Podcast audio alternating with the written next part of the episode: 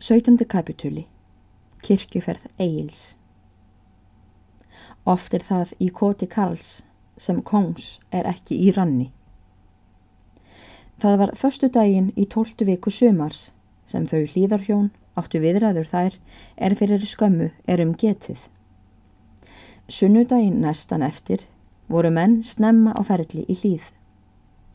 Sól var nýrunnin og var sólskinnið smátt og smátt að færast um dalinn og ofan fyrir bæin, en skuggarnir óðum að hverfa úr lautónum. Döggin tindraði á hverju strái um allt túnið, sem var nærð því óslegið og klætt í fegursta sumarskrauti. Hlýðin fyrir ofan túnið brosti við þegar morgun skuggan dró af henni, en sólarljómanum sló yfir brekkurnar og balana var hún á að líta eins og fagurlega lagaður megarbarmur. Allavega litar júrtir og blóm tindruðu þar í skeni sólarinnar eins og fjörugýr gemsteinar er blika við skæru ljósi eitt írðilegum brjóstnistum ríkiskvenna. Himinin var skafhefríkur og veður svo kýrt að ekki barðist hár manns á höfði en reykurinn af búverkavatninu í hlýð stóð eins og stöpull upp í loftið, jafnhátt dalbrúninni. Framarlega hildi undir fjárhóp sem rann hægt og stigðarlaust heim fjárgöturnar, en efra og næstum upp undir brúninni liðu nokkrar kindur í langri halórófu, hægt og hægt eftir hlýðarabrekkonum og í sömu átt sem fjárhópurinn. Þetta var kvífið frá hlýð og var auðséð á því að það hafði veður af smala einhvers staðar á eftir fram í dalnum, en þó ekki all nærri. Niðri á eirónum hjá ánni voru hestarnir frá hlýð. Það voru hross mörg og ekki færri en tíu eða tólf. Bytu sum þar á eirónum en sum lágu og flatmöguðu á móti sólinni. Öll voru hrossin sælleg og fögur álitum, en þó var þar einn hestur, sá er langt bara af öllum hrossunum. Hann var rauður að lit og var kallaður Dreyri. Þann hest eignaði húsfreyja sér og unni honum mikið. Reið hún honum jafnan er hún fór til kirkju eða í kynnisferðir, en all sjaldan riðu aðrir menn honum. Dreyri var allra hesta best vakur og svo góður skeiðhestur að fáir hestar voru þeir þar um sveitir er færi svo fljótt á stökki sem hann fór á kostum.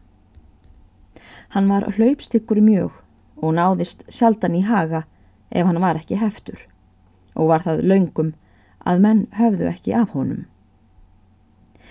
Þannig sama morgun kemur húsfreyja að máli við bóndasinn segir hún honum frá fyrirætlun þeirra fóstra að þær ætli að ríða til kirkju að stað.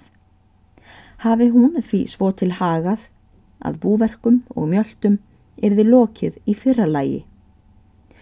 Eða ætlar þú að ríða með oss, bóndi minn, segir hún. Sigurður hvaðst í þetta skipti myndi heima setja. Verða og nokkrir að gæta hús og bæjar heima, segir hann en ég hygg að þeir vinnumenn mínir muni sækja tíðir. Lætur nú bóndi reka heim hesta marga og er dreyri þar með. Eru hestar teknir þar á hlaði og beislaðir nema dreyri. Eldast menn lengi við hann og næst hann ekki að heldur. Hverjar vývélar sem við eru hafðar?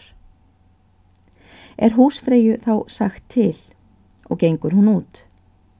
Stendur dreyri þá þar í túninu sem loðnast er grasið og bítur og eru allir frá gengnir sem verið höfðu að eldingunni. En þá er húsfreyja, er út komin, gengur hún fram í hlaðvarpan og kallar á dreyra með nafni. Lítur dreyri þá upp og gengur síðan til húsfreyju. Klappur hún honum og klórar undir eirum lætur hún sækja væna klípu af smjöri í búrið og stingur upp í hann og beislar. Búast menn nú til kirkjuferðar og er lagt á dreira fyrir húsfreyju en Sigrún skildi ríða hrissu grári. Það var og all gott hross og kvennhestur hinn besti. Fyrir utan þær fóstrur reðust til ferðarinnar húskarlar tveir og griðkonur tvær og svo Egil Grímsson. Þær fóstrur reðu í kvennsöðlum og góðum. Söðul húsfreyju var allur lagður drifnu látúni og voru á sveifinni myndaðar rósir sem gengu eftir henni endilangri sem krákustígur. Á söðulbríkinni fremri var fangamark þórdísar og ártal, nær söðullin hafi verið smíðaður. En á aftari bríkinni var myndaður hestur með öllum kvenreðtígjum og stóð hesturinn bundin við 3-1. Söðulreiði þórdísar var einning settur drifnum látunsblötum og voru þar á gjörðar ímislega rósir og var reyðin svo stór að nálega huldi alla lend hestsins. Besli hafði húsfreyja all gott, voru taumarnir úr leðri íslensku og stangaðir og stór sigurnútur eða riðnútur á þar sem þeir voru skeittir saman. Höfuðveðrið var sett koparhingjum og þrýhind ennislauf framan á. Báðar höfðu þær fóstrur glit áklæði yfir söðlum og flósessur miklar í. Allir riðu þeir vinnumennirnir í nökkum íslenskum. Og er menn voru albúnir, leiti Sigurður húsfreyju til hests. Stóð dreyrið þar undir reðtíjónum, ringaði makkan og jaflaði mélinn og sparkaði með framfótonum en stóð þó kyrr meðan Sigurður setti konu sína í söðulinn. Sigurún bjóð sig þá og til að stíga á bak og ætlaði Egil að hlaupa til að setja hann á bak en er Sigurún sá það benti hún öðrum vinnumanni fóstarsins að láta sig á bak.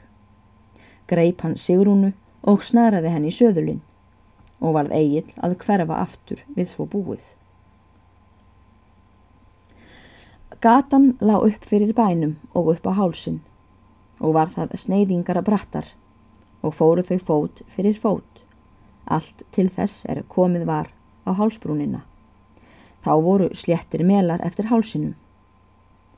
Letu þau nú hestana taka á rás og var dreyri jafnan langt á undan í hverjum spretti og tók svo skarpt til fótana að hann jós möl og skarni sem moldviðri á alla sem á eftir voru. Þóttu þeim fósturum allmikil skemmtan að reyðinni.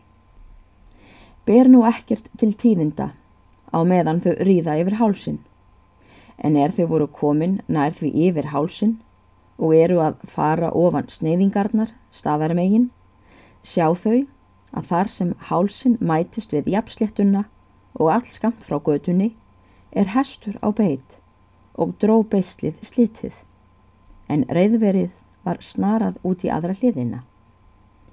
Þótti þeim það kynlegt, er ekki sásneitt maður, og hafði húsfreyja orð á að handsama hestin og gæta eftir hvort ekki væri neitt maður þar í grend. En er þau voru all skamt frá hestinum, sjá þau að þar rýs upp maður nokkur á millum þúpnatvækja og sjá þau hann munu ekki með öllu rétt gáður. Glápir hann fyrst á kirkifólkið all ámótlega, en er hann sér það er komið nær því gagvart honum, bröltir hann upp og þó nokkuð nöðulega, en síðan hleypur hann í veginn og rampar mjög og stendur síðan við og þvergirðir götuna. Maður þessi var svo á það líta að hann var meðal maður á hæð á að giska miðaldra maður. Hafði hann einhver tíma ekki verið ósnótur en þó flísungslegur á yfirbræð. Flöktu nú frá honum fötinn á brjóstinu en hattur sá er hann bara á höfðinu, hjekk út í annan vangan og var nær því bert ált höfuðið. Fyrir neðan nefið var blóðstorka mikil og dreyrði þó úr á stundum og þerraði hann það við og við á ermi sinni. Egil reið fyrstur af kirkjufólkinu og svo hver á eftir öðrum því gat hann var þraung og mátti ekki nema einn fara í senn. En er Egil kemur að þar sem maðurinn stóð í götunni vill hann snúa hesti sínum út úr götunni en í því bíli grýpur hinn drukni maður um taumanna á hesti Egils annari hendi og segir Stopp, þinn keltringur. Heilsar þú ekki skikkanlegu og erlegu, dönnuðu allaði að segja, en ekki erlegu, fólki sem er á vegi þínum lagsi. Þekkirðu mig ekki greið mitt? Ég heiti þó Hallvarður Hallsson. Já, það er víst. Já, víst. Þú segir mig ljúa.